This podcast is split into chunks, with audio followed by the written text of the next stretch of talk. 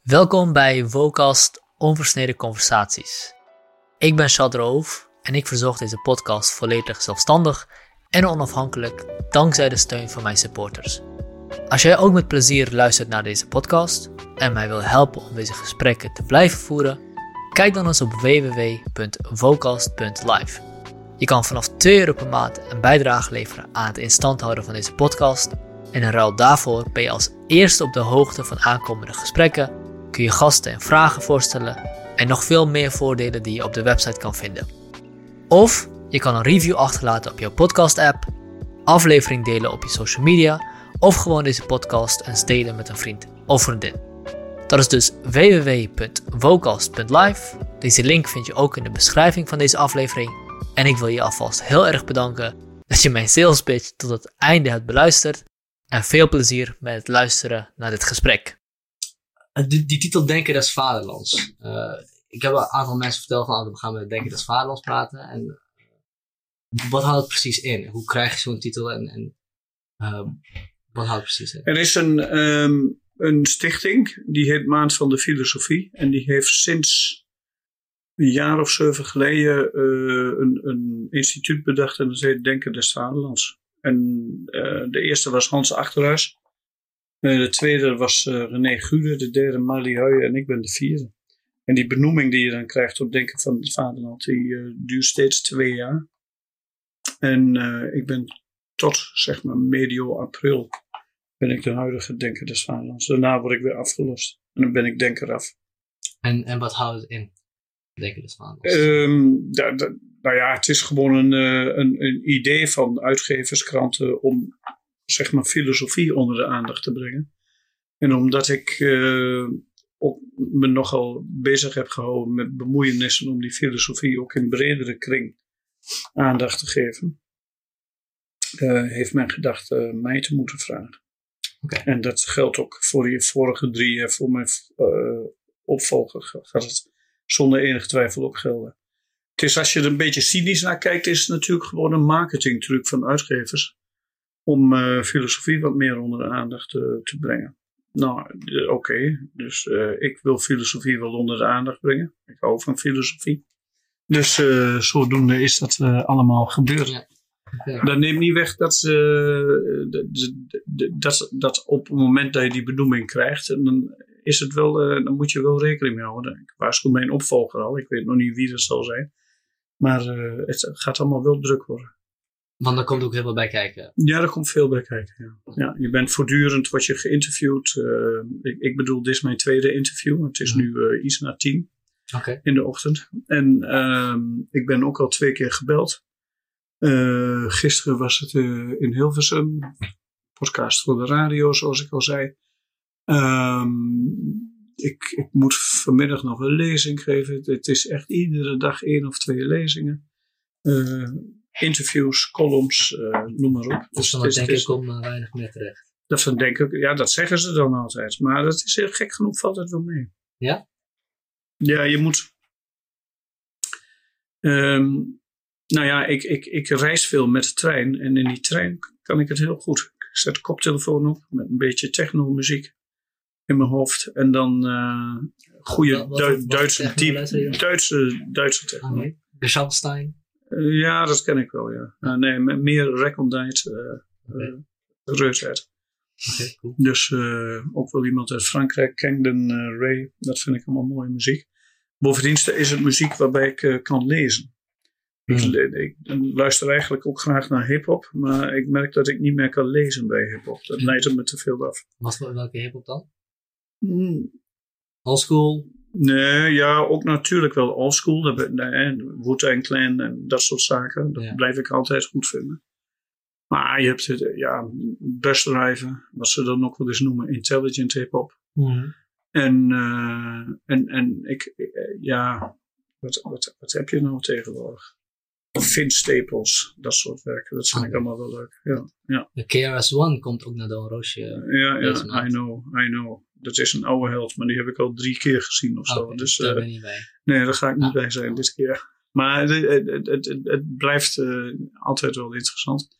En verder, als je het nog verder wilt weten naar mijn muzieksmaak, ik hou ook heel veel van metalmuziek. Oké. Dus, dus, eh, dus die muziek, eh, die, van die snoeiharde metal. Ja. dat, dat vind ik ook erg leuk.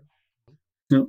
Over, je noemde dat het, het woord cynisme al. Ehm, want wat, wat, wat mij ook wel enigszins opviel, opviel aan eh, twee boeken die ik gelezen heb van jou, is dat er voor een denker des vaderlands zit er redelijk wat cynisme achter het denken. Of er zit wat argwaan eh, dat ik daar bespeur over het denken. En misschien zelfs denken in het algemeen. Nou, cynisme weet ik niet of dat het juiste woord is. Ehm, de, de, ik, ik beschouw mezelf in ieder geval niet als een cynicus. Ehm, maar ik ben wel iemand die vaak eh, een, een, een soort van. Ja, ik vind het wel leuk om wat, wat humor en ook wel wat bijtende humor of wat sarcasme in mijn teksten te stoppen. Dus ik weet niet welke boeken je gelezen hebt. Het volk in de grot Ja, en Dwalen in het Anthropoceen. ja, ja, ja. Vooral in het Anthropoceen klinkt er door dat je misschien argwanend bent over het idee dat we ons door dit catastrofe heen kunnen denken. Ja, ik ben niet zo optimistisch. Waar komt dat vandaan? Nou ja, ik baseer het een beetje op hoe wetenschappers eh, met ons communiceren. Althans, proberen te communiceren, want het dringt lang niet altijd door wat die wetenschappers zeggen. En als jij dus eh, een tijdje mensen volgt als Stefan Krutsen en anderen die, die eh, constant eh, de doemprofeet proberen uit te hangen, dan merk ik wel dat, dat, dat, dat er gewoon bepaalde gebeurtenissen zijn op deze planeet waarvan ik denk dat eh, pessimisme in ieder geval een veel betere manier is om ermee om te gaan dan optimisme. Dus een van de eh, zaken waar ik eh, bodemloos pessimistisch over ben, is bijvoorbeeld het uitsterven van diersoorten. Dus iemand die eh, daar optimistisch over doet, kijk, het mag je onverschillig laten, even goede vrienden, maar als je optimistisch daarover bent, ben je volgens mij gewoon een idioot. Dat gaat zo hard. Nou, zo hard dat sommigen zeggen dat we in tijden van de zesde massa-extinctie leven. Maar je maakt ook nog een onderscheid tussen twee verschillende soorten van uitsterven. Uitsterven van soort en ecologisch uitsterven. Ja. Ja, er, er, zijn veel meer soorten uitsterven hoor, die, die onderscheiden worden. Ik ben nu bezig met een boek over uitsterven, dus we houden die vrolijkheid erin. Oké. En, ehm, en, en dat, dat ehm, eh, maar, maar eh, de, de, het, de- dat onderscheid waar je het over hebt, is, is ehm, kijk, uitsterven, veel mensen zien het gewoon als de laatste soort. Bijvoorbeeld die noordelijke witte neushoorn, die pas geleden is overleden. Als de laatste soort echt boem weg is, dan is, het, eh, dan, dan, dan is dat strikt genomen uitsterven. Nou, dan zo zou je de, het laatste exemplaar, niet de laatste soort. En het laatste exemplaar verdwijnt en dat is dan uitsterven. Maar je zou ook eh, iets anders kunnen kijken. En dan kun je bijvoorbeeld nog de vraag stellen: heeft een bepaalde soort, ook al is er nog hier of daar een exemplaar, nog wel een ecologische functie te vervullen in de biotoop waarin het leeft? En als die ecologische functie weggevallen is, dan zou je ook kunnen zeggen: ja, het heeft heel weinig zin om dat beest nog eh, verder te beschermen. Althans, vanuit ecologisch perspectief. Dus een hele discussie in eh, de zogenaamde conservatiebiologie. waarbij het dus gaat, moet je nog allemaal macht en moeite steken in dieren. waarvan je weet dat die eh, waarschijnlijk nooit meer eh, een, een, een bepaalde dominante rol voor zich kunnen opeisen in gegeven ecologie of biotoop of weet ik veel wat. En deze discussie heeft ook te maken met de manier waarop we natuur conceptualiseren, geloof ik toch? En als je de natuur ziet als losse eenheden die enigszins interactie met elkaar hebben. Ja, nou ja, je kunt bijvoorbeeld heel veel moeite steken in het behoud van eh, Amerikaanse kraanvogels of in het behoud van eh, eh, Mauritiaanse torenvalken of weet ik veel wat. En dat is ook gedaan en tot op zekere hoogte, vooral in het laatste geval, met enig succes. Maar betekent dat nu dat Mauritië weer een eh, levensvatbare populatie van torenvalken heeft? Nee, je moet constant erbovenop zitten om, om, om, om eh, die soort eh, bijvoorbeeld tot voortplanting aan te drijven. Wat natuurlijk heel lastig is. soort is natuurlijk nooit iets wat alleen maar in, in, in, ehm, op, op zich staat. Je, je moet een soort altijd zien als compleet als netwerk aanwezig in, in, in die ecologie waarin het zich bevindt. En uh, dat, dat, dat is een heel lastig. Wil je nog, nog iets beter uitleggen? Je moet een soort niet zien als het soort zelf, maar als een onderdeel van een netwerk in de e-, gehele ecologie. Ja, heb je het goed uitgelegd. Oké, nou, graag gedaan. maar, ja, um, maar, maar, wat dat betekent is, is dat, dat um, wij zijn heel erg geneigd om, om die exemplaren als een soort laatste individu te beschouwen die wij moeten beschermen. En dat doen wij dan om allerlei redenen, maar ik denk dat de belangrijkste redenen daarvoor uh, uh, uh, sentimenteel zijn. En sommige ecologen of filosofen of ecologisch filosofen die wijzen erop dat, dat je, je moet vooral focussen op dieren die op de een of andere manier ook andere soorten laten leven en laten gedijen. Daar heeft dat heel sterk mee te maken. Je kunt bijvoorbeeld wel heel veel moeite steken in het behoud van de Siberische tijger. En er lopen daar nog bij dat uh, Krasnojarsk of zo, lopen er nog uh, wat, een, stuk of zes, zevenhonderd rond. Hmm. Dat is natuurlijk heel mooi. Maar wat doen die beesten nou daar eigenlijk? Of de Amur-luipaard? Of uh, hebben die überhaupt nog een functie te spelen? Kun je nog zeggen dat als er zo weinig van zijn, dat die nog de top van de voedselpyramide innemen? Mm Nou, daar is een hele discussie over. En, en uh, er zijn maar mensen. Goed, daar kunnen we heel moeilijk een besluit over nemen als we niet alle netwerken en feedback loops, loops en dergelijke in kaart hebben gebracht. Ja, ja, daar heeft dat mee te maken. En, en maar tegelijkertijd is die discussie heel moeilijk, omdat je natuurlijk nooit al die netwerken in kaart kunt brengen. En de, ecologisch denken veronderstelt een beetje dat, dat, dat, dat, dat je daar niet met algoritmes op af kunt gaan, omdat al die contacten, die netwerken, die relaties tussen soorten, en van microben tot, tot, laten we zeggen, bovenaan de voedselpyramide, Siberische tijger, dat dat buitengewoon uh, ingewikkeld is. En dat, dat, uh, ja, dus veel dingen zijn daarin on, uh, een beetje duister. Ja. Wat nou als er een wetsmatigheid zit in de manier waarop in de ecologie verbindingen en netwerken opgebouwd worden? En als we dat, die wetmatigheid kunnen blootleggen, dat we voorspellende modellen kunnen maken. Ja, dat is, ook dit is weer een hele discussie. Sommigen zeggen natuurlijk dat je via algoritmes uh, de, de wereld kunt, uh, kunt voorspellen en kunt maken. Maar de meeste ecologen zoals ik ze ken, die verzetten zich daartegen. Een beeld dat bijvoorbeeld gebruikt wordt door Ed Wilson, en dat beschrijf ik ook in mijn boek over het antropoceen, is dat er ergens een stukje grond is, een, een, een stuk regenwoud en dat wordt gekapt. Politieke klimaat is grillig en het wordt gekapt.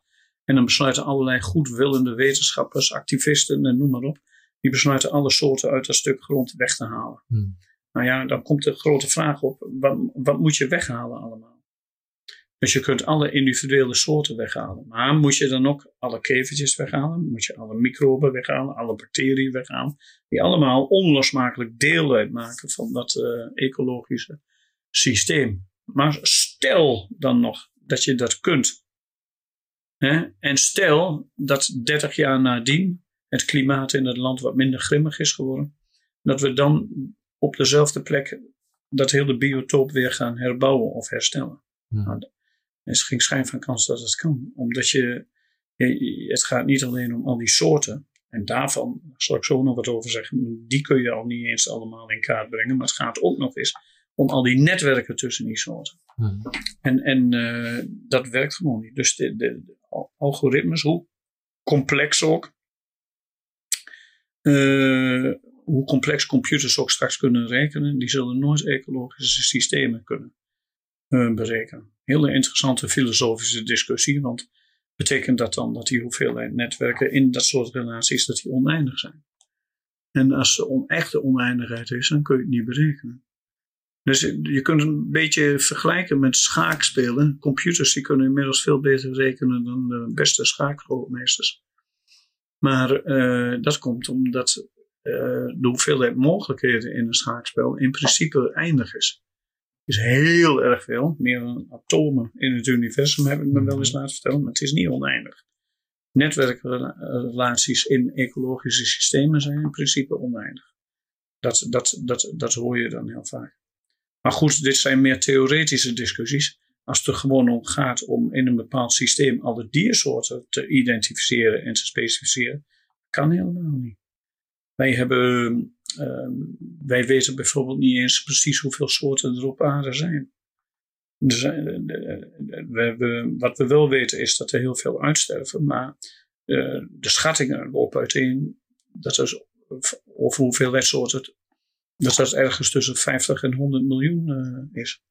En, en daarvan zijn er 15 tot 20, ik lees daar ook altijd verschillende dingen over, 15 tot 20 miljoen zijn in kaart gebracht. Dus heel veel uh, zaken zijn opaak. Om welke soorten gaat het dan? Kevertjes, uh, plantjes die, die onogelijk zijn. Soorten veranderen ook steeds. En dergelijke meer. Dus, dus wij hebben de wereld nog lang niet in kaart gebracht. Dat, dat, dat weten de meeste mensen ook wel eens. Denk maar eens aan die populariteit van diepzeemonsters. Dus, dus we beginnen langzamerhand pas een beetje toegang te krijgen tot een van de grootste biotopen op de planeet. Dat is de diepe zee. Ja, dus het probleem waar we in principe mee zitten is dat we op dit moment begrijpen hoe complex de netwerken van ecologie zijn. Dat we die totaal niet in kaart hebben gebracht. Ja. Maar dat we tegelijkertijd wel um, in een tijdperk zitten waar we enorm veel macht uitoefenen. Of enorm veel impact hebben op die netwerken. En wat, wat die precies zijn, weten we niet. Dat verwoord je heel goed. De, de enerzijds uh, merken we steeds weer dat als het gaat om onze kennis, dat die kennis uh, um, steeds tekortschiet. Maar als het gaat om onze invloed, hè, ja, dan hebben we als het ware een overdosis. Hè, want, want het is heel duidelijk dat wij die ecologische systemen beïnvloeden. Hè, dan moet je ook altijd een beetje mee uitkijken, want het is ook zo'n anti-ecologische gedachte. Hè, die je vaak tegenkomt, dat, dat een soort apocalyps dreigt, al het leven weg en dat soort zaken. Vanuit de ecologie is apocalyps niet een optie. Die ecologie gaat wel door, maar die verandert. Hmm. en, en, en, en die wordt bijvoorbeeld schraler. In, in, in, heel veel delen van de zee is er bijvoorbeeld veel minder vis dan vroeger. Hmm. um, maar je kunt ook, uh, maar die verandert ook in, in, in. Dus wat ik wil zeggen is, die, die verandert, maar het verdwijnt niet. Alleen die mensen heeft heel veel invloed op die, op die processen die zich daar uh, afspelen. Nou, dat, dat is een van die raadsels. Ik, ik, ik, hoe meer we begrijpen dat die wereld heel ingewikkeld is en heel ingewikkeld in elkaar zit, hoe meer we ook moeten erkennen dat we toch op die wereld een waanzinnige invloed uitoefenen, zonder dat we precies weten waar dat precies uh, het meest uh, schadelijk is en, en gaan zo maar doen. Mm Omdat natuurlijk de effecten die we nu uitoefenen ook wellicht pas over 100 jaar bekend gaan worden. Ja, maar wellicht ook niet. Uh, de, de, het is in ieder geval heel duidelijk dat, dat, dat de mens zijn sporen achterlaat. Kijk, eh, de, wetenschappers discussiëren tegenwoordig over zoiets als planetaire grenzen. En die planetaire grenzen, uh, daarvan is heel veel nog onbekend. Planetaire grenzen zijn dan grenzen die wij geformuleerd hebben, een soort norm met, met betrekking tot bepaalde gebeurtenissen en die ons dan eigenlijk influisteren tot hier en niet verder. Ja. nou, bij een paar van die grenzen zijn we al heel veel verder. Nou, een van die uh, planetaire uh, grenzen is bijvoorbeeld nieuwe substanties. Dat zijn substanties die wij geproduceerd hebben en die wij toevoegen aan de natuur, maar die van nature niet voorkomen in die natuur. Daar zit een bepaalde grens aan, hoeveel we daarvan. Ja, die, die, wil je dan gaan formuleren. Alleen wij weten helemaal niet wat er overblijft, wat de afbraaktijd is, hoe snel het degradeert uh, en, en dat soort zaken. Je hebt, ik vind dat ook wel weer spannend, omdat je, er verschijnen tegenwoordig allemaal van die boeken van de, met titels als The World After Us. Hmm. de, dus uh, de menselijke extinctie is ook weer helemaal op de agenda. En, en En, en, uh, en dan denkt men goed, ja, nou ja, de mens is er dan straks niet meer en dan neemt de natuur het weer over. Maar een van de problemen die je daarbij krijgt, is dat die natuur zelf al in hoge mate vermenselijk is, of antropisch is. En dat is dan zo'n woord dat uh, gebruikt wordt. En, en ook als wij uit zouden sterven, dan is de menselijke invloed van op deze planeet waarschijnlijk nog miljoenen jaren aanwezig. Als gevolg van het plastic, het, Ja. eh, noem maar op. Dus al die nieuwe substanties. Ja. Dus, dus, dus je kunt, zelfs als je iets heel apocalyptisch denkt, bijvoorbeeld de menselijke extinctie, dan is de mens nog niet verdwenen in termen van de gevolgen die hij achterlaat. Ja. En- Fijne onderwerpen, hè? Eh, heel leuk onderwerp, dat is mijn favoriet. Ehm, want we zitten hier, eh, dit is in principe het dilemma, dilemma van het antropoceen. En zoals ik het begrepen heb, is de antropoceen een term geleend uit de klimaatwetenschappen, maar eigenlijk verkeerd overgenomen. Of het klopt niet helemaal met de regels van naamgeven binnen de klimaatwetenschappen.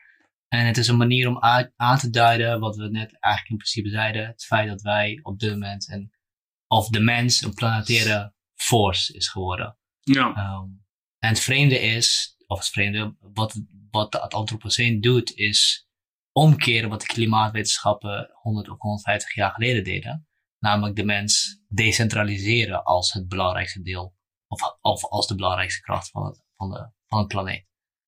En het antropoceen zet de mens weer in het, in het midden, als datgene die Ja, nou ja, daar is ook weer discussie over. Als je Clive Hamilton bijvoorbeeld leest, van wie net het boek eh, De Opstandige Aarde in het Nederlands is verschenen. En ik heb een voorwoord bij dat boek geschreven. En als je hem dan leest, dan zie je dus ook dat, dat, ehm, dat, dat, dat dit een van de moeilijke dingen is. Enerzijds is het waar, wij worden ons weer besef van het feit, of we worden ons bewust van het feit dat we niet buiten de ecologie staan maar dat we opgenomen zijn in een ecologie. Maar tegelijkertijd worden we ook ons steeds meer bewust van het feit dat wij een ontzettend dominante rol spelen in die ecologie. En in die ecologische systemen. Dus enerzijds zie je dus, hè, wat jij noemt decentreren. Hè, enerzijds zie je dus dat de mens als, als het ware uit het centrum van de wereld eh, geplaatst wordt.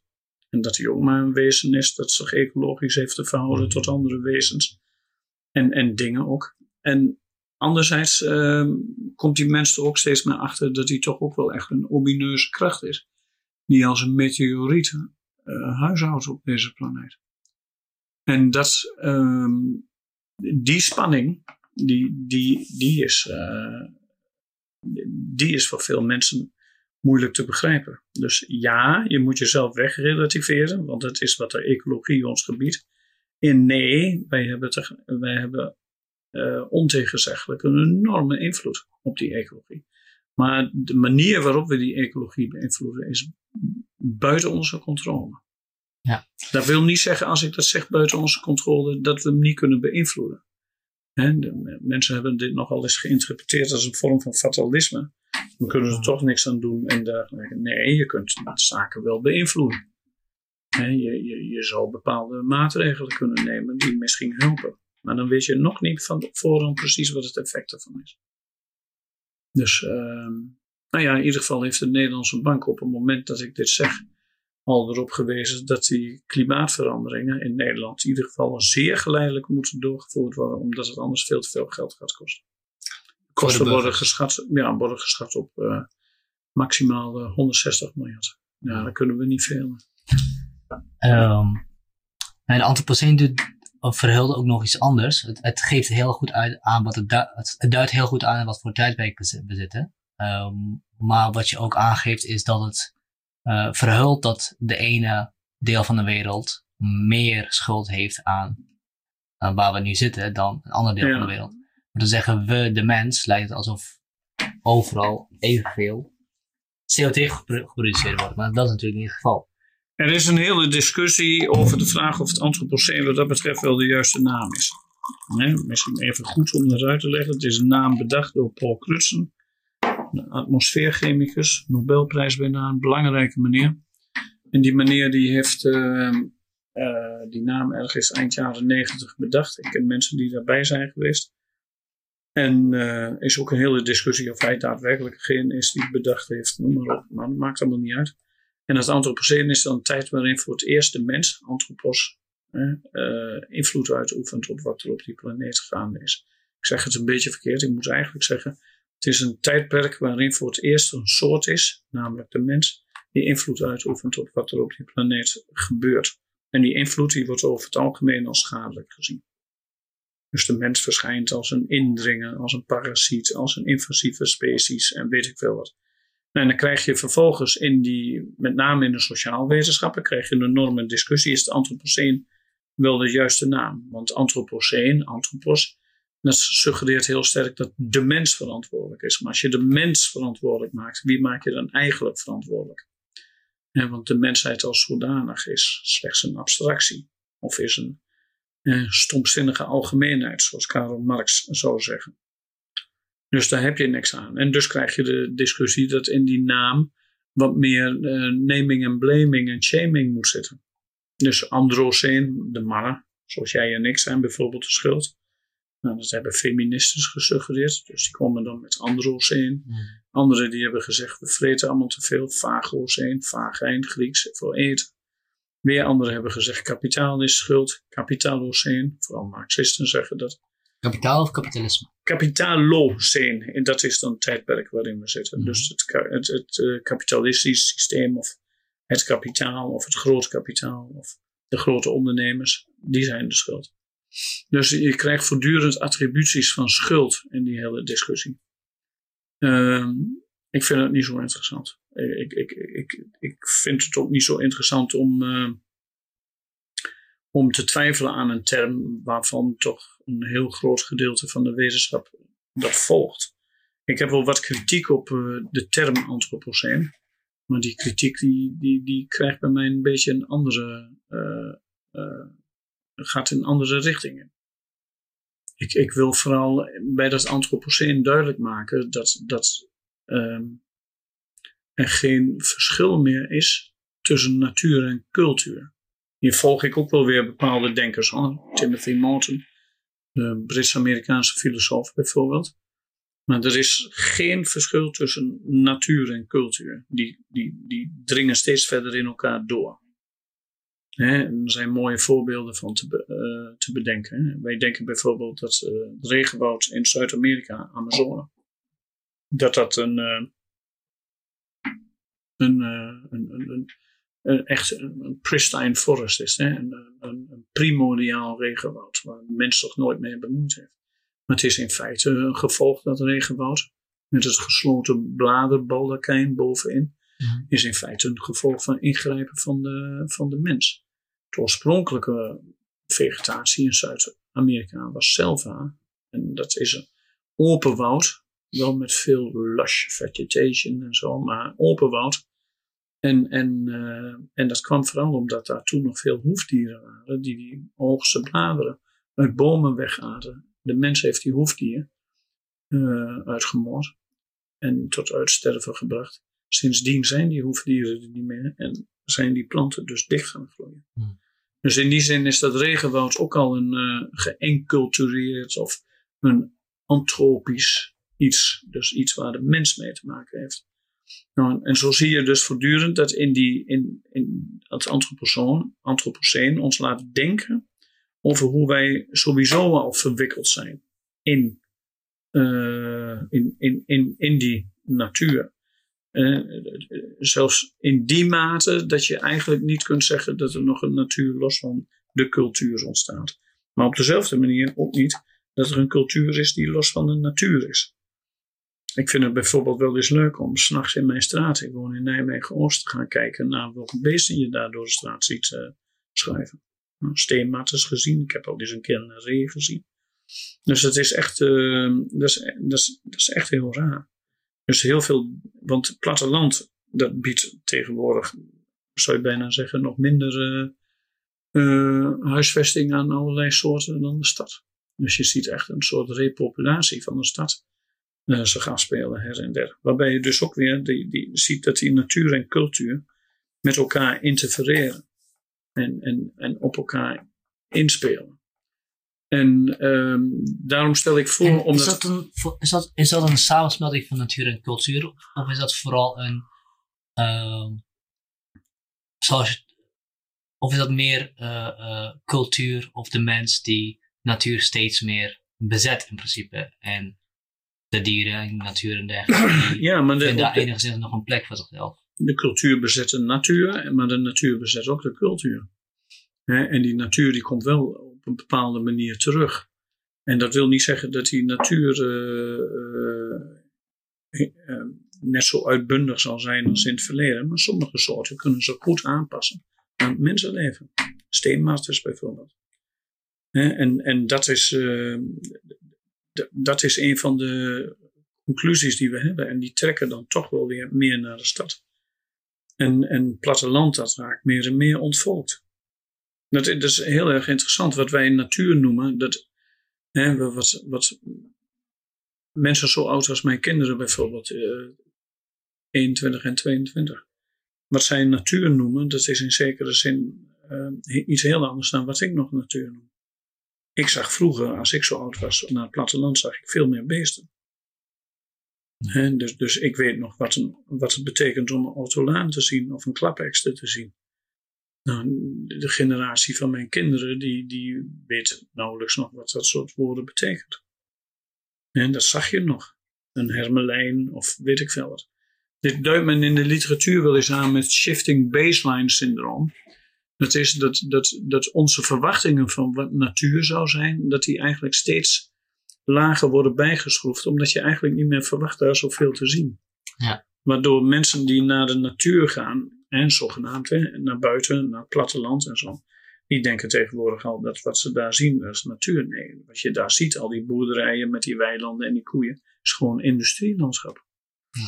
En, en ehm, waar, waar in feite weinig leven voorkomt. En tegelijkertijd ontstaat er eh, door die shifting baselines ook een eh, hunkering of een gevoel dat we terug moeten naar een soort van pristine, schone Ja, versie van natuur. Maar Ja. dat lijkt eigenlijk in principe al niet meer haalbaar. Of dat is misschien zelfs naïef. ik weet niet of dat. ehm, ja, nee, dat is zeker naïef. Je, je, je- je- kijk, zaken omkeren, hè, daar, daar, geloof ik nauwelijks in. En, en ehm, dat neemt niet weg dat we wel moeten proberen om schade te beperken. Of verdere schade te beperken. Maar zelfs als een geheel gebied heel erg veel schade heeft, dat is de essentie van het ecologische denken. Die ecologie die houdt niet op. Dat, dat gaat door. Maar dat gaat misschien een richting in die je, misschien, die, die je waarschijnlijk niet zo heel leuk zal vinden. Ik, ik kan me herinneren dat, dat ik bij een seminar was. Ter gelegenheid van het afscheid van Han Lindeboom, een eh, oceanograaf in Wa- Wageningen. Die had daar eh, een Amerikaanse oceanograaf uitgenodigd, Jeremy Jackson, een hele beroemde man, naar het schijnt. Ik had nog nooit van hem gehoord, maar inmiddels wel. En die eh, liet bijvoorbeeld foto's zien van viswedstrijden in de Cariben. Zijn eh, specialiteit is een beetje die Cariben. Hij heeft ook veel onderzoek rondom eh, de Nederlandse Antillen gedaan daar. En wat je ziet is dat, dat, dat eh, bij viswedstrijden uit de jaren 50, dan, dan zie je daar van die grote vissersmannen staan hè, met, met, met, met vissen die eigenlijk groter zijn dan zij zelf. Mm.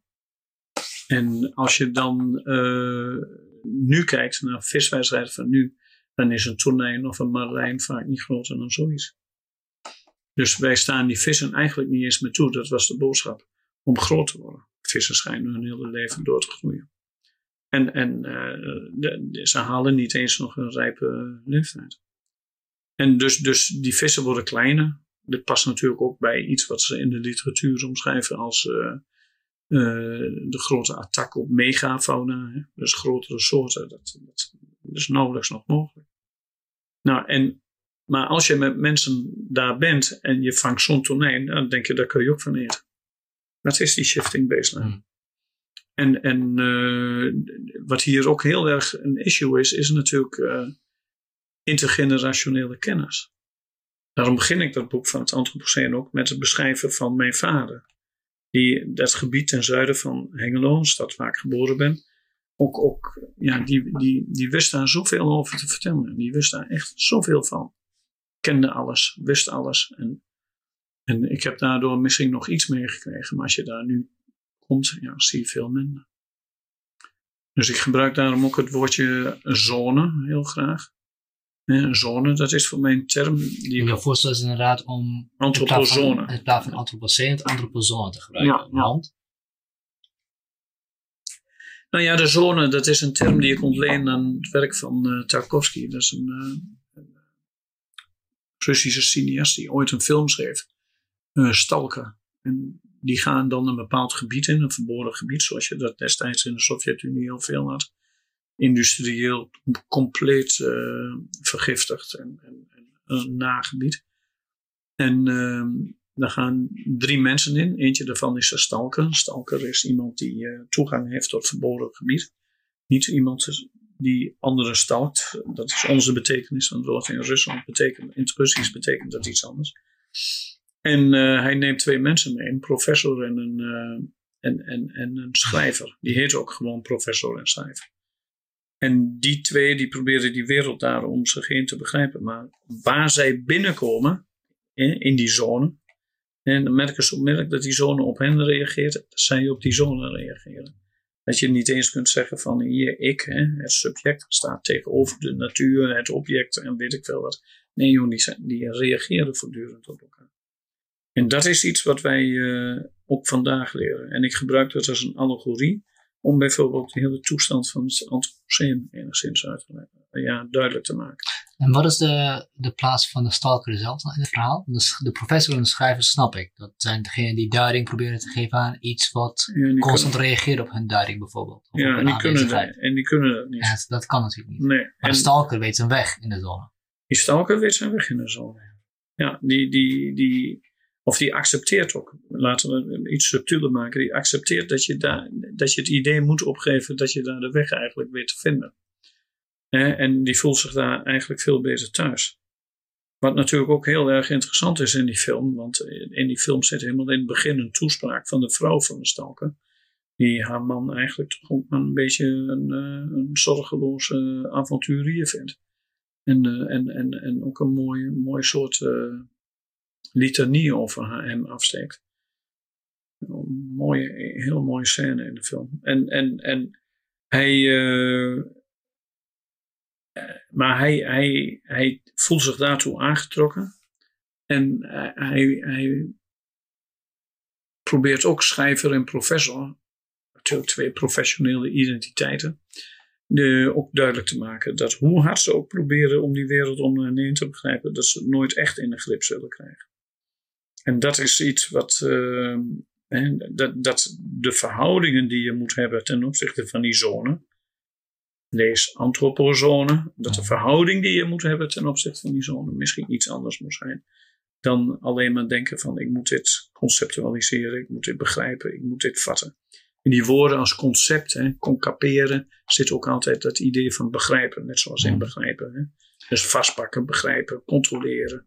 Nou, dat, dat, dat is waarschijnlijk niet helemaal mogelijk. We zitten in een wereld die opgenomen is in processen die voor een heel groot gedeelte uh, ongrijpbaar zijn. Ja, en dat, dat gaat toch enigszins kriebelen aan mij, want wat ik dan denk is, hoe, dan ga ik er weer over nadenken, hoe, ga je, hoe kun je enigszins een idee hebben van hoe je je verhoudt tot die zone, als je geen representatie ervan hebt, als je geen concepten ervan hebt, als je niet snapt hoe het, er, hoe het, hoe het eruit ziet, impliciet of expliciet. Sjaat, dat het gaat kriebelen, is precies de bedoeling. Dus, dus uh, die, wij, wij kunnen kennis hebben zonder dat we ons dat meteen helder voor ogen hebben. Zonder dat we meteen een helder soort representatie hebben. En dat vergelijk ik dan ook weer een beetje met, met mijn vader, die ik ook als, zag als een soort van stalker in, in, in dat gebied ten zuiden van Engeland. Een gebied dat uh, zwaar aangetast is door industrie. Zoutwinning met name, maar ook uh, andere ellende die daar plaatsvond. En uh, dat, hij had weet van dat terrein, die, die in zekere zin pre-wetenschappelijk is, Mhm. Misschien zelfs fenomenologisch. En dus ehm, een, een, een, een begrip van wat daar gebeurde, zonder dat hij dat helder voor zichzelf kon formuleren. En hoe, hoe, hoe komt dat begrip tot stand? nou ja, hij kijkt naar een bomenrij en dan ziet hij beesten in die bomen zitten die ik helemaal niet zie. Of uh, hij ziet een hermelijn door sneeuw. Moet je, moet je, kijken, moet je doorkijken, dat gaat dan allemaal in Twents. En dan weet ik nog heel goed, hij zag allemaal dingen die ik niet zag. Ik heb dat ook wel elders in de wereld meegemaakt. Mm. Ik weet dat ik eens een keer in, uh, hoe is het, natuurpark nou? Vlakbij Accra in, in India. Bharatpur, dacht ik. Een soort heel beroemd vogelpark. En ik weet nog heel goed dat ik daar met, uh, met uh, een van die gidsen die wij daar hadden meeging. En die meneer die, uh, ja, die, die, die zag ook dingen die ik helemaal niet zag. Dus een heel ander soort kijken naar de werkelijkheid om je heen. Dat interesseert mij heel erg. Dus, dus, dus, um, dus ik probeer daar natuurlijk in het boek ook een, een soort van begrip voor te kweken. Dat je andere manieren hebt om je te verhouden tot wat wij over het algemeen alleen maar natuur noemen. En die, en die natuur is natuurlijk een heel moeilijke term. dus de westerse cultuur is een van de weinige culturen die een expliciet begrip van natuur heeft uh, ontworpen. Dus uh, de Franse antropoloog Philippe Descola heeft dat mooi laten zien in een boek uh, Au-delà de la nature. Aan de gene zijde van de natuur. Hoe komt het dat wij hier een, een begrip van uh, fusis, van natuur, hebben ontworpen, die in, in bijvoorbeeld Chinese filosofie ontbreekt? En zou je dat, uh, zou, zou, je die verhouding van de stalker tegenover de zone, zou je dat willen voorschrijven als een remedie tegen de kwalen van het antropoceen? Nee, ja, een, er zit een andere manier van omgang in, maar op die manier is niet onproblematisch. Hmm. Dus wat ik probeer te laten zien in het hele boek is dat iedere omgang met, met, met natuur of met uh, omgeving of ecologie, dat is het woord dat ik dan prefereer, dat het altijd op de, problematisch is. Je wordt voortdurend geconfronteerd met de beperktheid van je kennen. Je wordt voortdurend geconfronteerd met uh, de enorme invloed die je desalniettemin uitoefent. Je wordt voortdurend geconfronteerd met onbegrip van anderen. Je wordt, uh, nou, en ik, ik ben geïnteresseerd in mensen die prima kunnen navigeren door dat soort oren. En, en, en een ander soort begrip ervan hebben. Dus, dus een, uh, ik probeer natuurlijk ook ruimte te creëren voor uh, denken. Albert Faber, die nou net een nieuw boek uitgeeft over het antropoceen. Wat minder filosofisch boek dan mijn boek, maar die noemt dat een maximering of maximalisering van denken, van denkkracht. En ik denk, ik, ik, ik, ik hoop ook dat mensen die buiten de wetenschap is, zijn, staan, zich willen inzetten voor uh, de problematiek die wij hier hebben en daar wat aan willen doen. Dus dan denk ik ook aan kunstenaars en, en misschien aan stalkers. Ja, dus die, die dus uh, ja, op een andere manier kijken naar uh, wat zich daar allemaal afspeelt. Ik dus dan nog een klein voorbeeld. Ik heb al eerder eens een boek geschreven waar ook veel ecologie in zit. Dus water heet dat. Geofilosofische geschiedenis. En ik heb toen bijvoorbeeld heel erg veel geleerd van uh. Met is met die mensen meegegaan? En, en, uh, en die kijken toch anders dan wetenschap naar uh, waterproblematiek. En die zien dingen die die, die, die wetenschappers niet zien. Zoals? Nou ja, bijvoorbeeld uh, waar het niet goed gaat met de dijken als gevolg van te veel keulen en gangenstelsels die gegraven zijn. Of uh, die, die, hebben daar op de een of andere manier niet echt een, een, een, hadden gegevens voor nodig of hadden analyses. Dus die hebben een, een, een, een, een begrip daarvan. Ze zien ook, ik ben ook een keer, uh, kreeg ook iets te horen van verkleuring van water. En, en dat zou het gevolg zijn van verzilting. Dus het zijn die mensen die, die, die, die heel veel kennis hebben. Die, die vaak ook nog bij waterschappen zitten. Die, die heel veel kennis hebben. Die, die eigenlijk niet zomaar 1, 2, 3 doordringt in, in, in, in de wetenschap. Hetzelfde zie je ook, uh, die publiceren uiteindelijk in papertjes. Uh, in, in, in allerlei tijdschriften. Maar je kunt ook denken aan, uh, aan kunstenaars die ook heel anders kijken. En ik ben in Nederland wel veel bezig met kunstenaars. Dus ik ben regelmatig bij tentoonstellingen die, die ook thema's rondom dat antropoceen opwerpen. Dus dat wil allemaal niet zeggen dat die andere blik, of die pre-wetenschappelijke blik, dat die superieur is aan die wetenschap. Dat wil ik mij helemaal niet zeggen. Nee, alsjeblieft niet. Die wetenschap moet vooral uh, onderzoek blijven doen en veel, moeten, veel blijven registreren. Dus ga, blijf vooral je gang gaan. Maar als het gaat om die maximalisering van denkkracht, heb je alle energie nodig. En uiteindelijk zal die energie ook komen van managers van bedrijven of, uh, of, of van politici. Nou, bij die laatste twee groepen, uh, dat kun je dan cynisch noemen, maar daar ben ik nog niet zo optimistisch over. Nou, uh, de politiek wil dus heel veel gaan doen aan de klimaatverandering. En wat je al noemde, is dat het pakketje wat ze voor ogen hebben iets van 160 miljard gaat kosten. Ja, dat gaf ik aan. En, uh, en, en er is natuurlijk van alles. Nederland wil uh, in het kader van, van die klimaatakkoorden het beste jongetje uit de klas zijn. Uh, Nijpels en al die mensen die, die praten erover. We gaan niet 2 graden, we streven naar anderhalf graden voor 2050. Maar mijn probleem met dit soort uh, doelstellingen is dat het, het altijd zo makkelijk is om te praten over doelstellingen die over 32 jaar gerealiseerd moeten zijn. Het is veel makkelijker om daarover te praten dan over de vraag hoe je nou een beetje beweging krijgt in de huidige toestand. Want uh, uh, er is van de week ook weer zo'n IPCC-rapport geweest. Dat, er wijst dat als, je, als de temperatuur 2 graden, als je het weet te beperken tot 2 graden, dat dat al catastrofaal zou zijn. En dat is, uh, dat, dat, vind ik dus um, dat, vind ik dus eigenlijk wel een, uh, een soort teken aan de wand. Dus, dus we, we maken een soort doelstelling. En, we, en, en het is echt, die twee graden is volgens al die wetenschappers die ik dan ken, die erover spreken, een soort minimum vereisten. Ja, maar dat is het nog niet eens. Dat is al een ramp, twee graden. Dus uh, ja.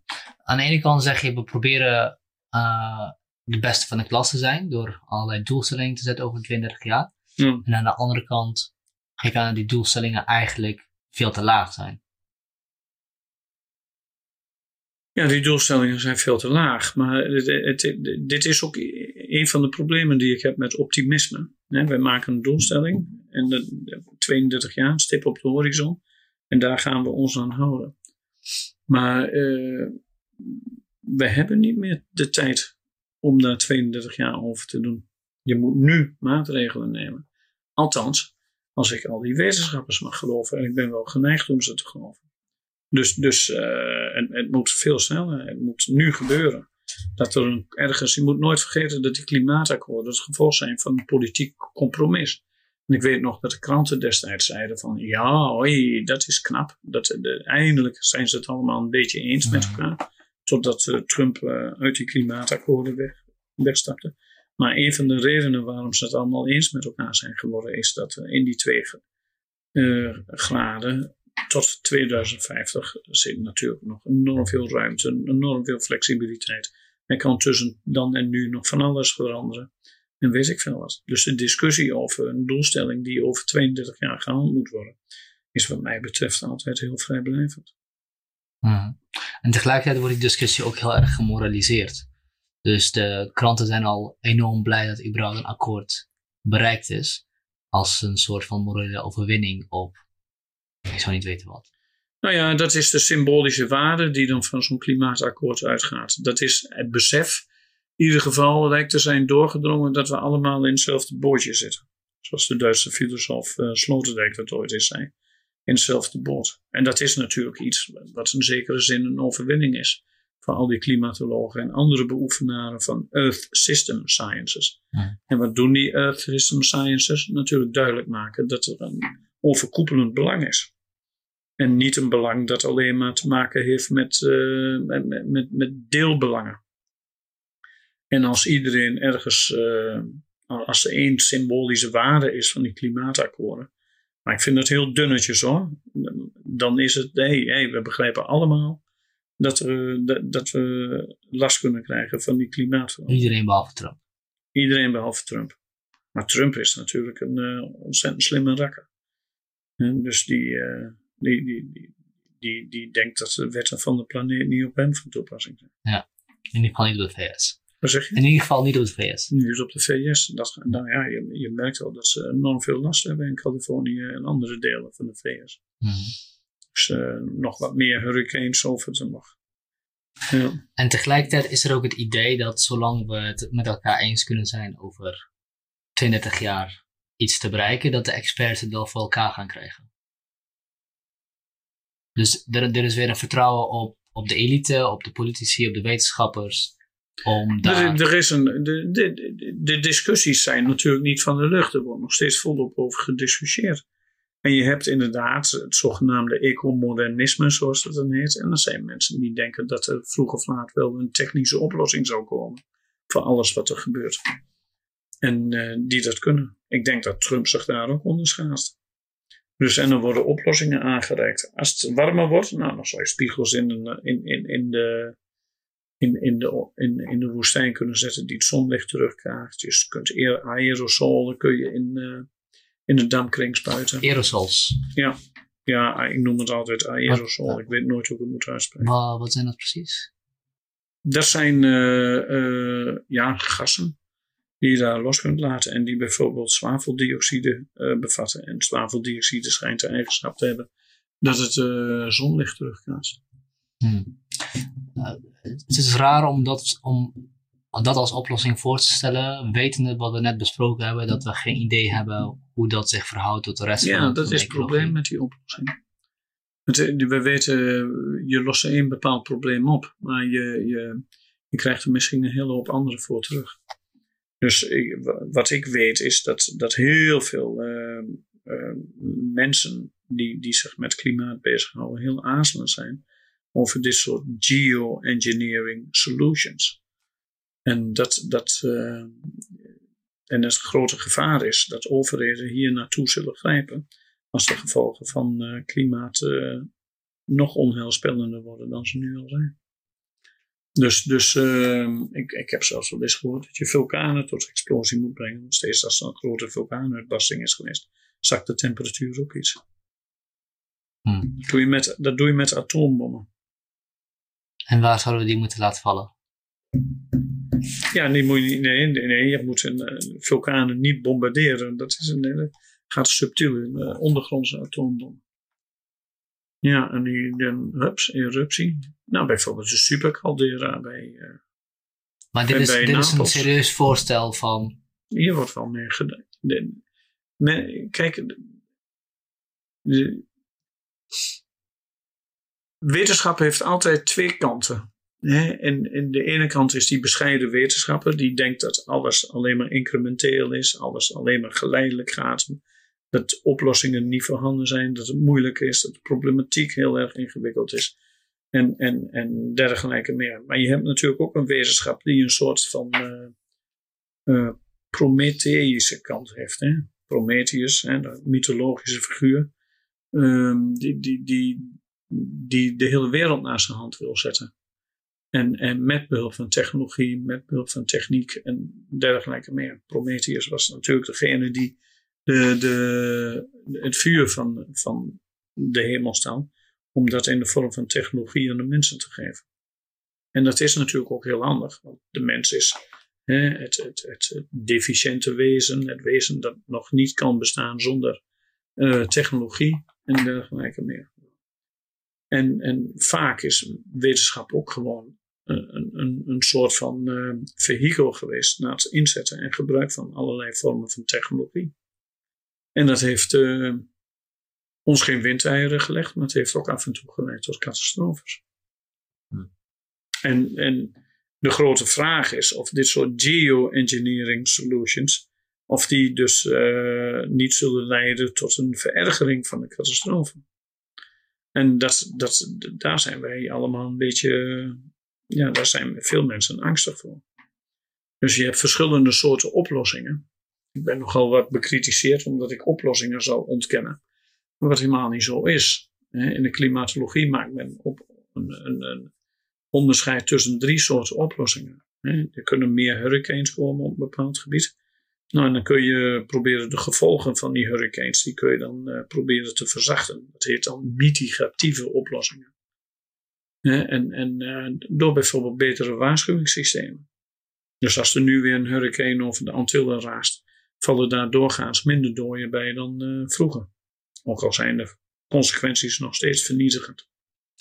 En je hebt adaptieve oplossingen. Dat is de tweede reeks. Dat is bijvoorbeeld betere huizen bouwen, betere dijkwering bouwen, noem maar op.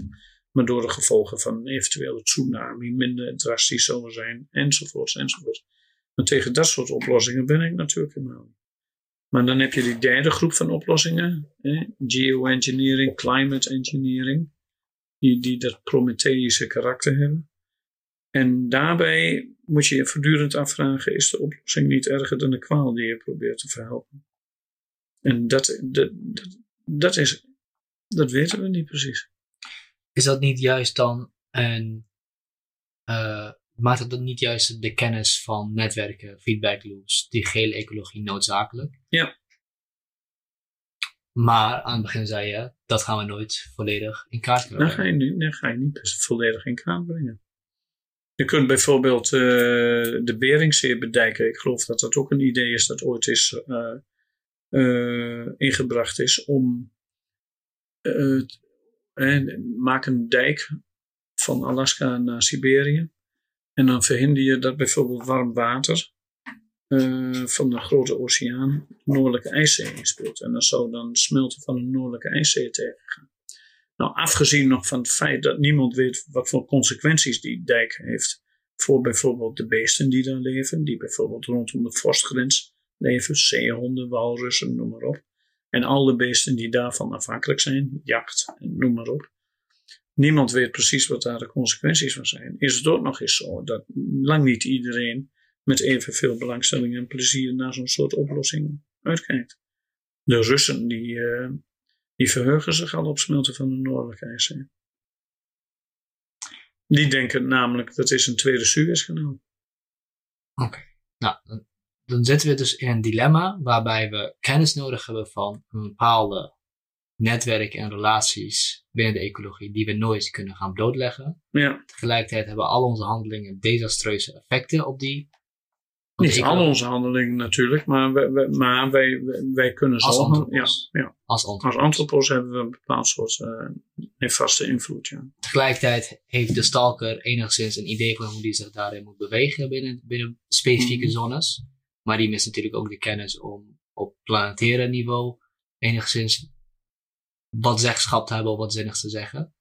Um, en tegelijkertijd zijn we als individuen volledig machteloos tegenover wat er op het niveau van de antropos plaatsvindt. Dus hoe ga je je, hoe, hoe kunnen we ons überhaupt verhouden tot dit, tot deze? Ja, dat is een van de filosofische puzzels die ik heb. Dat is hoe verhoud jij je als individu tot dit soort machtige gehelen? Uh, daar heb ik geen antwoord op. Dat is een paradox die, uh, die, die zeer te denken geeft. Uh, ergens in die, in die literatuur, niet alleen bij Morton, ook elders kom je het beeld tegen van die zandhoop-paradox. Daar heb ik het wel eens mee vergeleken. Je, je, je kunt één zandkorrel hebben en je gooit er nog een zandkorrel bij. Maar dan heb je twee zandkorrels, nog een zandkorrel, dan heb je drie zandkorrels. Wanneer wordt die, een bepaalde hoeveelheid zandkorrels een zandhoop? Is natuurlijk interessant. Nou, als je iedere zandkorrel nou ziet als iets wat jij doet, vlees eten, in het vliegtuig stappen, auto rijden, uh, noem maar op. Dan, dan doe jij dat echt niet om de wereld naar de verdommenis heen te helpen. Dat maakt moraliseren ook zo ingewikkeld. Maar als we het allemaal doen, dan wordt het een probleem. Ik kan bijvoorbeeld stoppen met vlees eten, wat ik trouwens al heel lang geleden heb gedaan, maar dat even terzijde. Maar dat, dat, dat, uh, dat, dat, dat, neemt niet weg dat de vleesconsumptie wereldwijd gigantisch toeneemt. Je kunt bijvoorbeeld stoppen met vliegen, maar dat neemt niet weg dat vliegbewegingen wereldwijd gigantisch toenemen.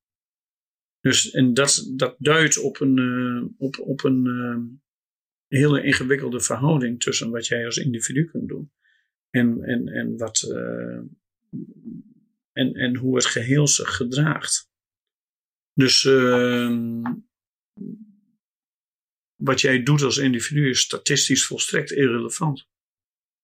Dat maakt ook uh, enerzijds, of jij nou vlees eet of niet, dat maakt voor die wereld verder niks uit.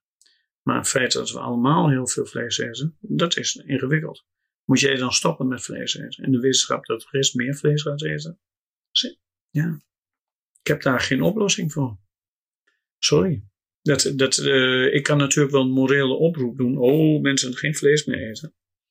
Maar dat is, uh, dan, hou je, dan, dan hou je niet op met morele oproep.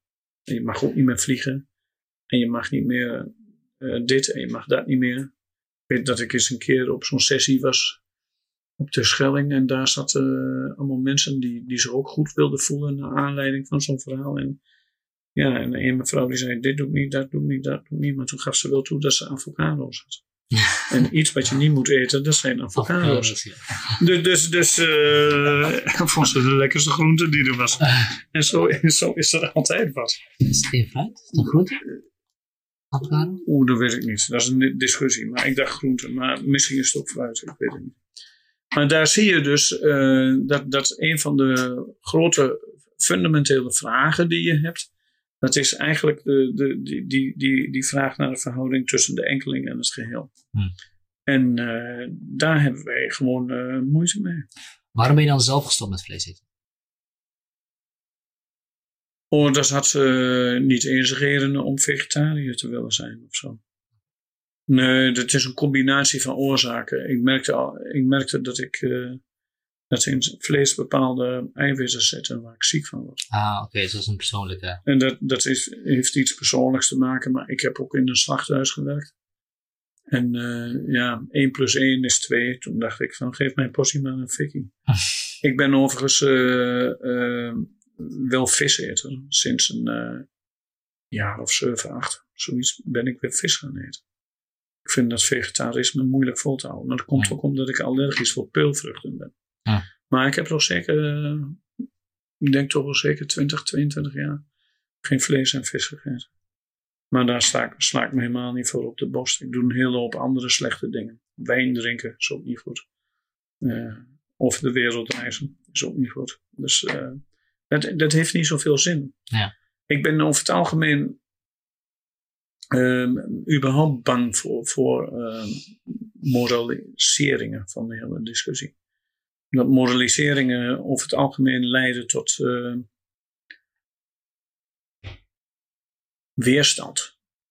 En niet een bereidheid om mee te denken. Als ik jou ga zeggen dat jouw levensstijl niet goed is, dan uh, snap je, dan, dan, dan, voel je al meteen, hé, hey, uh, waar bemoeit hij zich mee? Ga zo maar door.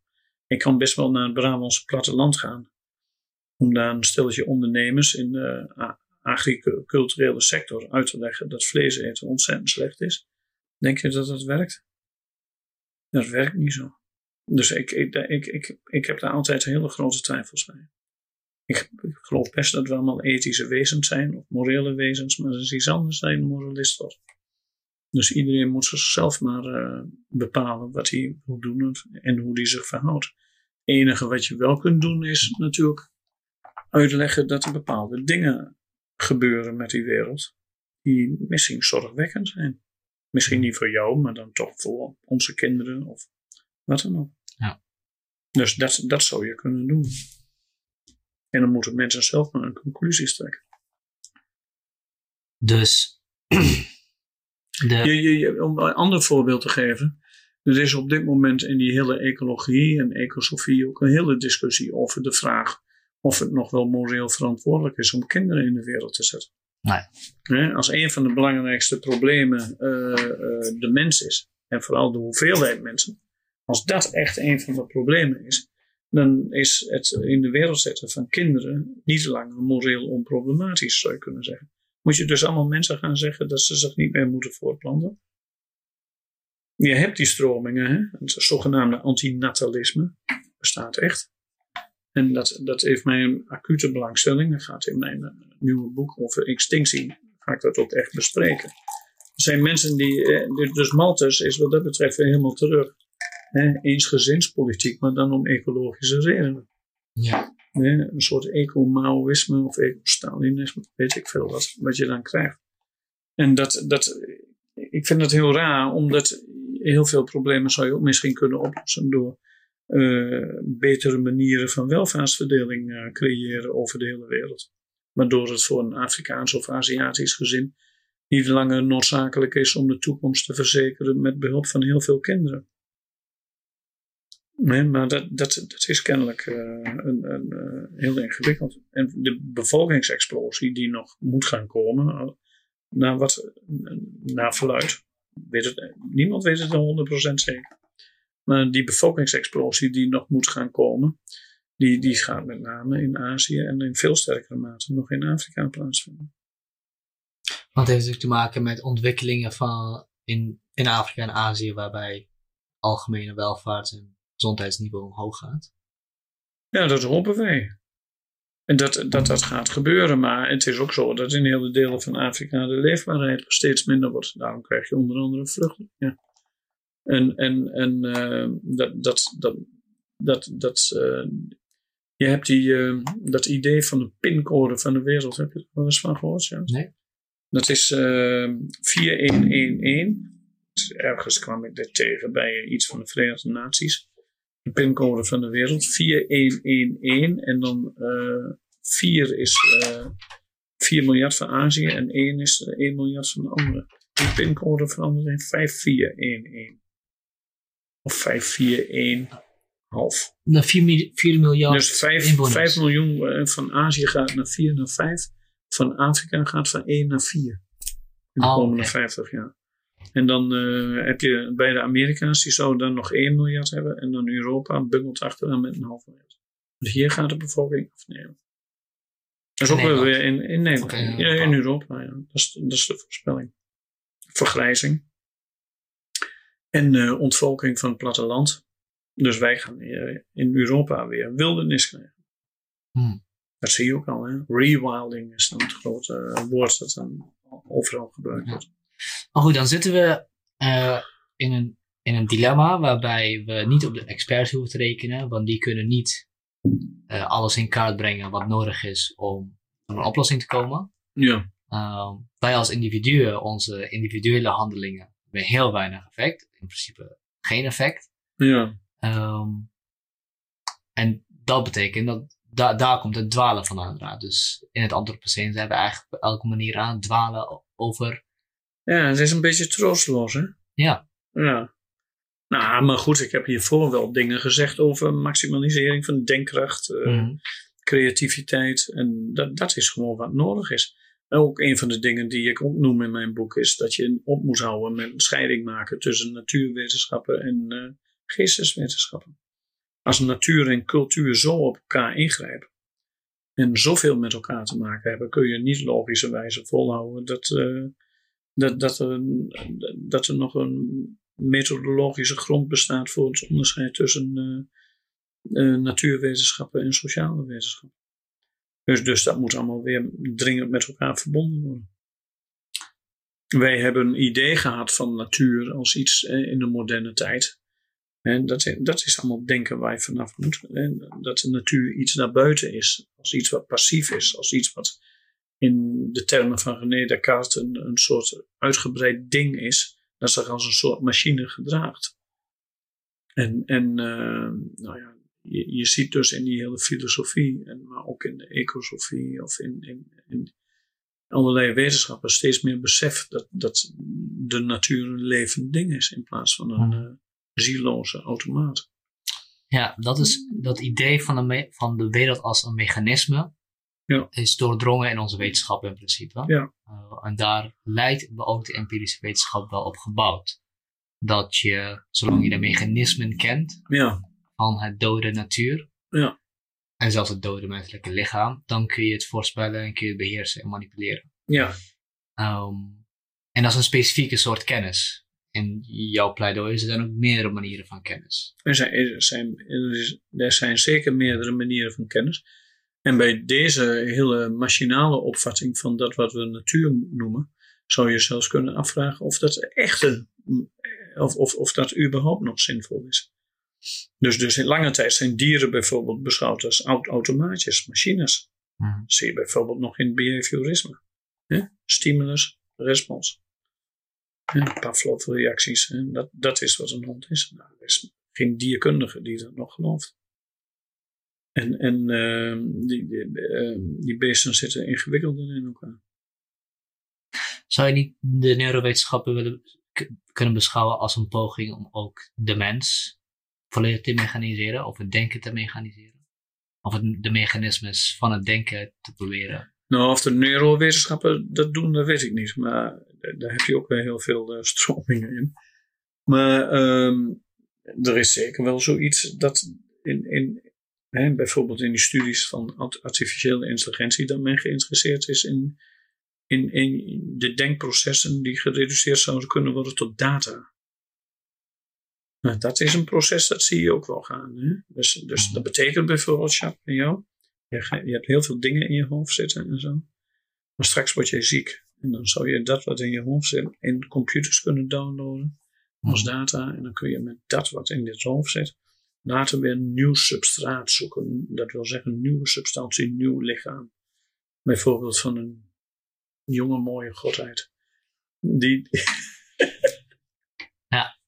Ehm, het leuke is, maar het leuke is dat dat eigenlijk nog berust op een dualistische wereldbeeld. precies, precies. Uh, en uh, dat lijkt.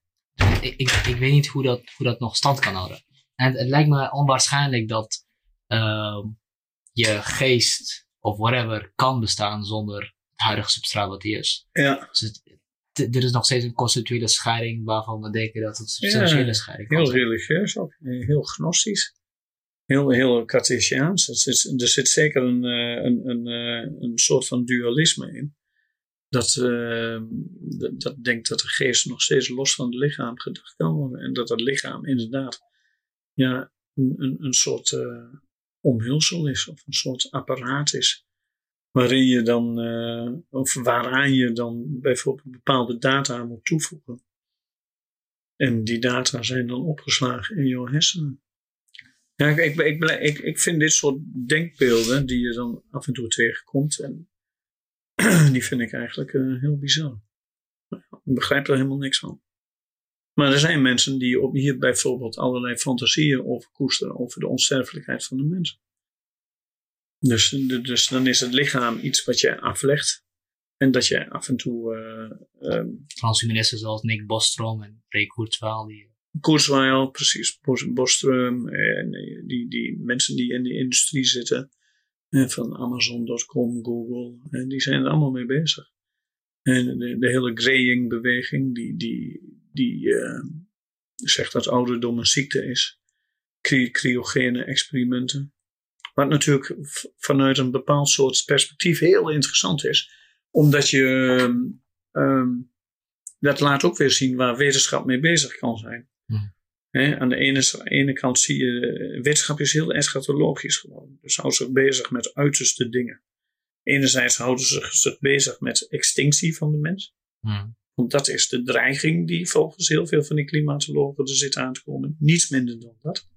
Niet, niet het, en, uh, het, uh, het, het, het, uh, het vervallen van de aarde, maar de extinctie van de mens. Dat is eigenlijk wat, wat gevaar is. Ja, die aarde, die, die planeet, die, die, klap, die, klapt echt niet uit elkaar. Ja. Dat, dat is zo'n massief stuk steen, dat, dat, daar mogen de geologen in geloven, dat blijft wel ronddraaien. De vraag is natuurlijk of er dan nog mensen op zullen zijn, op, op zullen leven.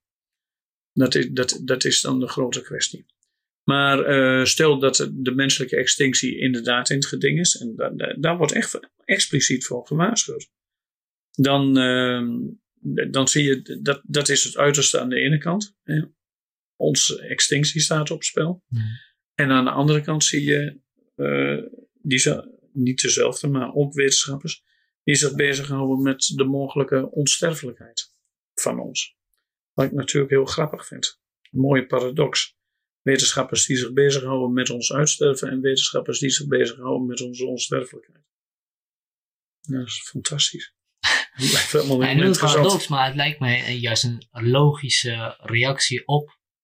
Als, je, als de extensie van de mensen in beeld komt, dan lijkt me logisch dat je gaat nadenken over hoe je kan zorgen dat die mensen blijven leven. Sterfelijkheidsfantasieën zijn er al heel lang. Hè? extinctiefantasieën zijn er ook wel, maar zijn wat minder lang. Hè? Wij, wij zouden allemaal in het hiernamaals uh, wel kunnen voortbestaan. Hmm. Uh, maar goed, er zijn altijd pessimistische stromingen die gedacht hebben: het is misschien wel heel goed dat de mens helemaal niet meer zou bestaan. Dat is overigens een min of meer uh, legitieme positie vandaag de dag. David Benatar, een Zuid-Afrikaanse filosoof, schreef bijvoorbeeld een boek met de titel Better Not to Have Been Born. Waarin die uh, boek dat hij trouwens opdracht, uh, opdraagt aan zijn ouders. Wat natuurlijk interessant is, hè? Van wie hij heel veel houdt, ook al hebben ze hem later geboren. Ja, of uh, geboren later. Dat is pas cynisme. Ja, dat is cynisme, Ja. precies. En, en, en ja, die legt uit op basis van hele eenvoudige utilitaristische argumenten die er allemaal van uitgaan dat, een, dat het beter is als er meer plezier dan pijn is in het universum. Mhm. Dat, dat, dat het misschien wel heel verstandig is, omdat ieder leven uiteindelijk meer pijn dan plezier kent. Dat, dat je het leven gewoon uh, uitwist. Want dan uh, is, is de pijn niet meer dan, is, de, dan is de calculus hoger dan als, die, als mensen Ja, negatief utilitarisme heet die stroming. Ja. En, en dat is, en Bostrom heeft er ook een handje van. En, en je hebt nog meer peers. En er zijn een hele hoop namen van mensen die daarmee bezig zijn. Ik vind, vind het een hele bizarre manier van denken. Ik heb er helemaal niks mee. Maar goed, ik, ik, ik wil het wel bestuderen. Ik vind het ook wel uh, veelbelovend om onsterfelijk te kunnen worden.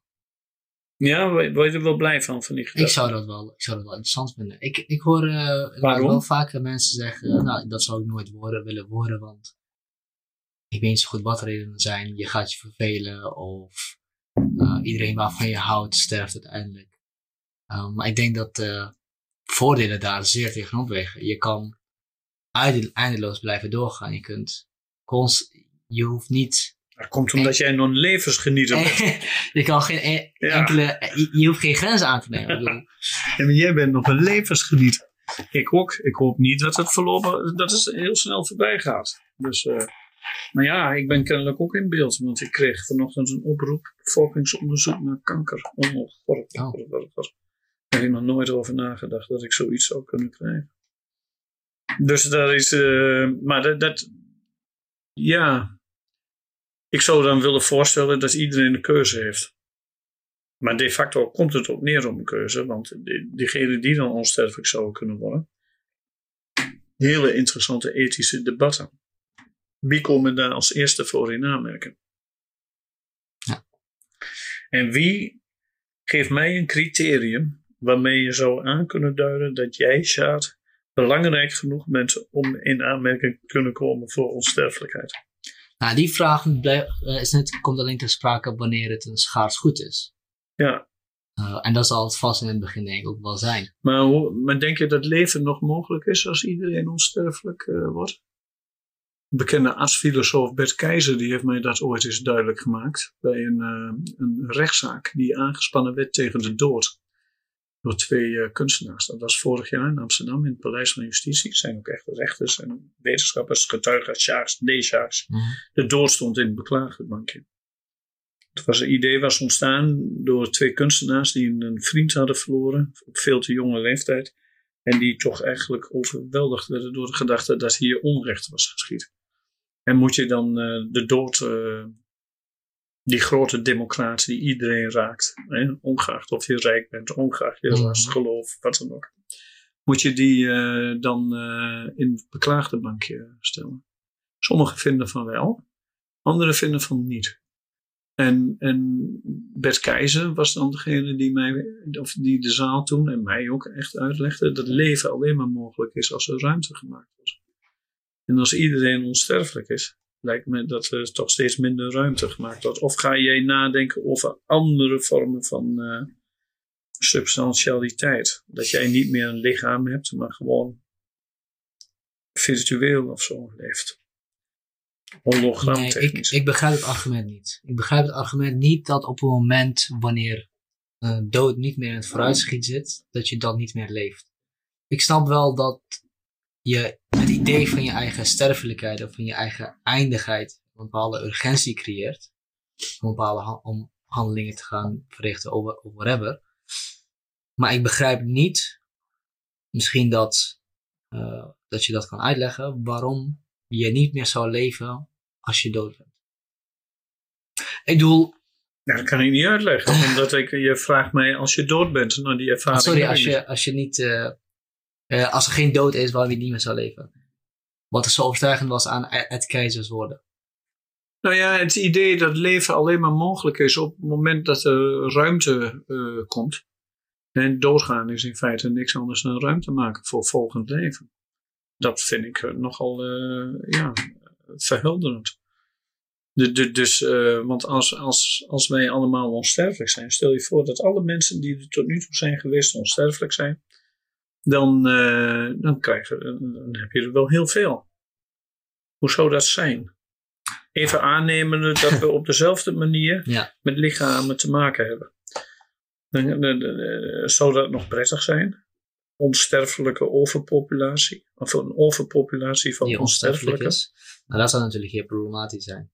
Eh, Ja, probeer ik maar, daar. dat dat, maar dat is een gedachte-experiment.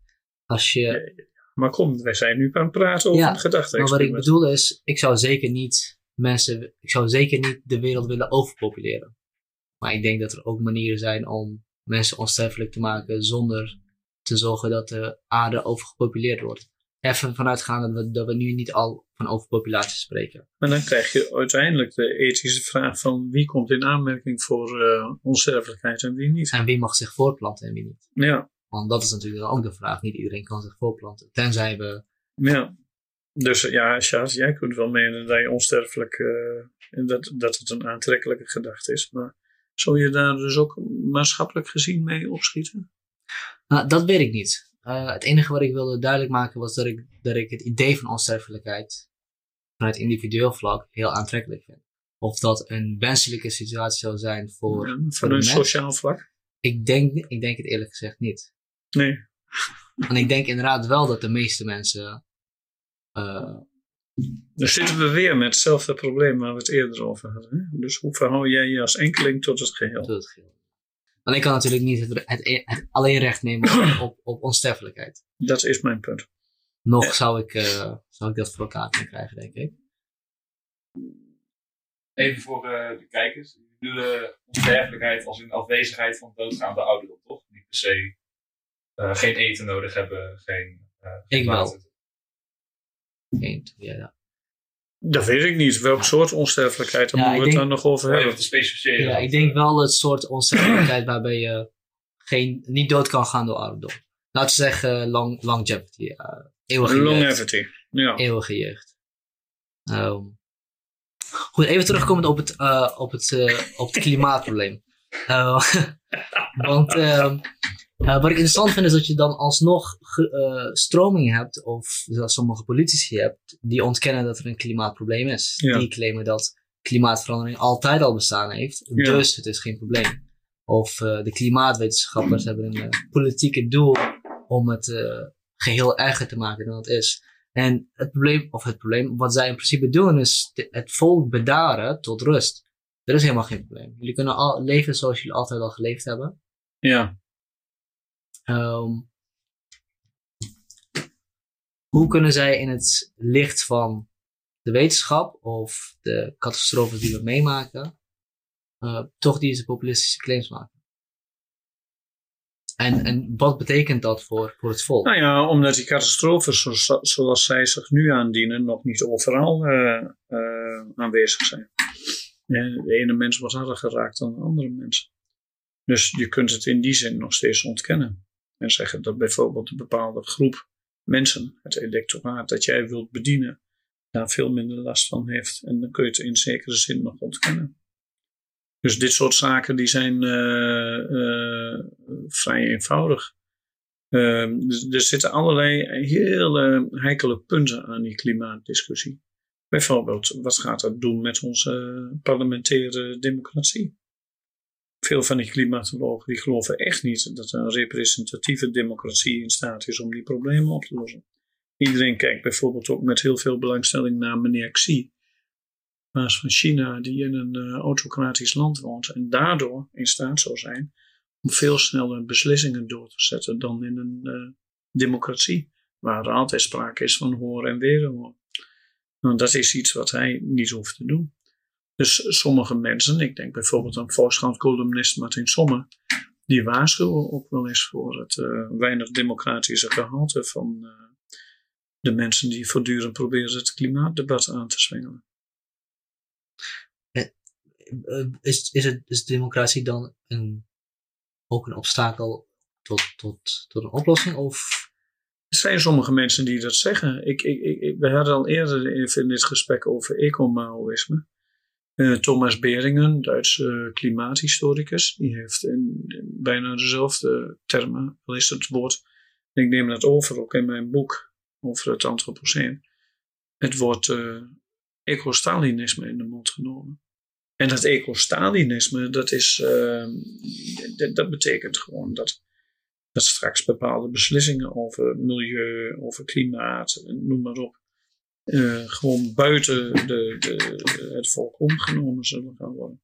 Een soort uh, uh, variatie op de dividendbelasting. um. Sommige dingen, ja, daar mag het volk zich dan niet mee bemoeien, want dat is dan onwijs.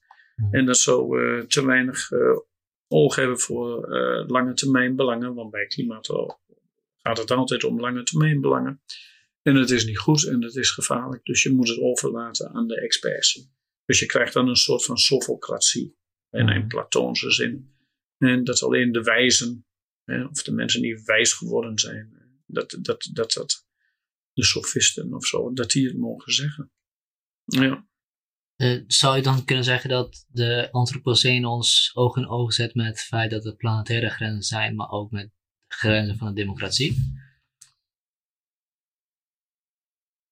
Ja, ik vrees een beetje dat het zo is, ja. Ik hoop niet dat het zo is. Maar uh, de, de, de druk die op onze democratieën, zoals we ze kennen, uh, zal komen te staan, die, die zal alleen maar uh, groter worden. En dat heeft te maken met die planetaire urgentie. En dat, dat, dat, dat, dat is lastig. Ja. Want um, kun jij in een systeem dat heel erg cliëntelistisch is, dat heel erg belangen probeert te behartigen van die en die groep. Dat in die zin een soort representatieve afweging maakt van allerlei verschillende soorten belangen. Kun jij daarin ook iets representeren dat het geheel is? We zagen al dat al die vraagstukken, die hebben te maken met holistische problematiek. Hè? Of system sciences. We zitten allemaal in hetzelfde bootje. In de democratie speel je allemaal wel hetzelfde spel, maar zit je duidelijk niet in hetzelfde bootje. De een die heeft dit soort belangen en de ander heeft dat soort belangen. Nou, dit is een van de, de, de grote issues die uh, eraan gaat zitten komen. En dat, dat, dat is een, uh, een, een, een, moeilijk vraagstuk. Maar ik, ik meen wel te bespeuren in heel veel uh, ecologische kringen, klimatologische kringen, dat, dat daar het vertrouwen in, in, in democratie as we know it toch niet heel erg groot is. Vanwege het feit dat het waarschijnlijk te langzaam kan reageren op. Te langzaam, uh, te veel andere urgenties, te veel uh, uh, sociaal-economisch in plaats van kosmologische belangen. Mm. nou, noem maar op, heel veel. Ja. En als jij denkt dat jouw zaak eigenlijk het belangrijkste is, ja, dan krijg je altijd het, ja, dan, dan krijg je altijd het gevoel dat het veel te langzaam gaat. Nou, we hebben in ieder geval dus op, meer, op, op alle vlakken zijn we, zijn we gedesoriënteerd. Als individu, experts, wetenschap, maar ook als democratie. Wat zou een stap kunnen zijn naar een, een nieuwe heroriëntering? om, om uh, duiding te kunnen geven aan die antropocene. Nou ja, ik, ik, ik, verwacht wel wat van die maximalisering van gedachten. Ik verwacht wel wat van uh, uh, het, het steeds meer integreren en synthetiseren van verschillende soorten wetenschappen. Ik verwacht ook wel wat van een wetenschap die niet meer alleen maar in de campus plaatsvindt, maar die weer naar de mensen teruggebracht wordt. Dat is ook een lange geschiedenis. Maar je moet eh, proberen die wetenschap beter te laten communiceren met andere krachten, andere denkmanieren. Maar ook, eh, ook, ook, ook dat, dat, dat, daar, dat er van die andere kant ook wat meer doordringt in die, die wetenschap. Nou ja, goddank zie ik allerlei initiatieven daartoe. Maar je moet vooral opgeven dat je één snelle, rechte methode hebt die ervoor zorgt dat, je, dat, dat, dat we even alles gaan oplossen. Dat heb ik wel eens ingenieursdenken genoemd. Dat heeft mij dan weer ko- komen te staan op eh, een uitnodiging van het Nederlands Vakblad voor Ingenieurs om mijn stuk over, om, om, om maar eens een artikel te gaan schrijven over hoe ik kijk als filosoof naar ingenieurs. Wat ik natuurlijk wel weer heel leuk vind van die mensen. Daar moet ik straks mee bezig. maar goed, ehm, ja. Dus, dus eh, iedereen die een beetje zich verdiept, weet dat er eenvoudige oplossingen, die, zijn er niet. Quick fixes zijn er niet. En dat is iets wat, eh, dat is misschien voor sommige mensen niet zo troostrijk. Ja. Maar ik vind over het algemeen mensen die quick fixes eh, beloven, die beschouw ik echt als de cynici. Die doen dat altijd onvermijdelijk tegen beter weten in. Dus de quick fixes, daar, daar hoeven we ons niet, eh, hoeven we ons niet op, eh, op te richten. Nou, als er een quick fix is, dan zou ik dat heel leuk vinden. Er wordt natuurlijk in de wetenschap heel veel eh, eh, vooruitgang geboekt. Denk aan de me- medische wetenschap. Wij weten dingen nu die, die, die we vroeger niet weten. En daardoor kunnen we, of wisten, en daardoor kunnen wij ziektes genezen die we nu niet, eh, eh, of die we vroeger niet konden genezen. En dat, dat, dat, is, dat is vooruitgang. Nou, wij weten ook steeds meer van klimaat. We weten steeds meer van ecologie. En, en ga zo maar door. Maar we, we hebben. En dat is het merkwaardige van dit soort kennis die zich dan opdoet. Hoe meer kennis we hebben, hoe meer we ook erachter komen dat de zaken heel gecompliceerd zijn. En dat eenvoudige oplossingen niet voor de hand liggen. Dat heb je trouwens in de medische wetenschappen ook hoor. Ik, ik bedoel, hoe meer we ons verdiepen in aandoeningen als ADHD of obesitas, waar iedereen het over heeft, hoe meer we ook weten hoe moeilijk het is om hier rechtlijnige oplossingen voor te verzinnen. Dat gaat echt niet zomaar met een pilletje. Dus ja, maagverkleining misschien. Maar dat heeft weer nadelen. Ehm, misschien om af te sluiten, ik denk dat we het meeste wel hebben. ehm, het verhaal over de aasgieren in India. Als een mooi voorbeeld van ecologisch uitsterven. Dat vond ik een heel treffend verhaal. Je misschien. Ja, dat is een verhaal dat ik. eh het later ook al door Tom van Duren, een, eh, Australische eh, extinctiebioloog, geschreven is. Maar ik was me er al eerder van bewust, omdat ik een paar keer in India ben geweest. En vroeger, als je naar India ging, ergens naar uh, Of hoe, heet al die deelstaten, Bihar, zag je overal in de bomen zag je, zag je Bengaalse gieren. En, en dat, dat, prachtige beesten, van die imposante gieren met een kale kop. En, en steeds als er ergens een koe doodging, dan, dan, dan lag hij daar in de wei en dan kwamen de gieren erop af. En die koeien die, die, die worden daar niet geslacht, want dat zijn heilige beesten. En die gaan vroeg of laat dood. En dan had je dan uh, de gier, die zich dan uitstekend aan de mens had aangepast. Dat is ook heel interessant. En, en die at dan altijd uh, die, die, die, lichamen kaal, totdat er alleen nog maar een heel schoon skelet lag. Dat dan vervolgens ook weer verder afgebroken gaat worden. Het zijn geen knekelvelden. En uh, nou, toen is men op een gegeven moment, want die koeien die schijnen wel uh, die schijnen niet geslacht te mogen worden, maar die worden wel ingezet voor melk en dat soort zaken. Heeft men die koeien ook tegen allerlei ziektes willen beschermen door, uh, door ze di dioflenac toe te dienen. Het is een soort uh, pijnstiller die wij trouwens ook gewoon bij de drogist kunnen krijgen.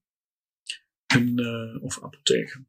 En die pijnstiller, die blijkt een uh, ontstekingsremmer is het eigenlijk. Dat is natuurlijk gunstig voor die koe zelf, ontstekingsremmer. Maar die koeien blijven natuurlijk vroeg of laat wel doorgaan. En nou blijkt het dat die gier, en dat is een soort onbedoeld neveneffect. Die gier die blijkt helemaal niet tegen de dioflenac te kunnen. En, um, en, en, en dus die begint dan te eten en dan gaat het beest dood aan allerlei leveraandoeningen. Uh, en dat heeft de totale populatie van Bengaalse gieren enorm geminimaliseerd in India. Er zijn er nog wel, maar er zijn er veel minder dan ooit het geval was.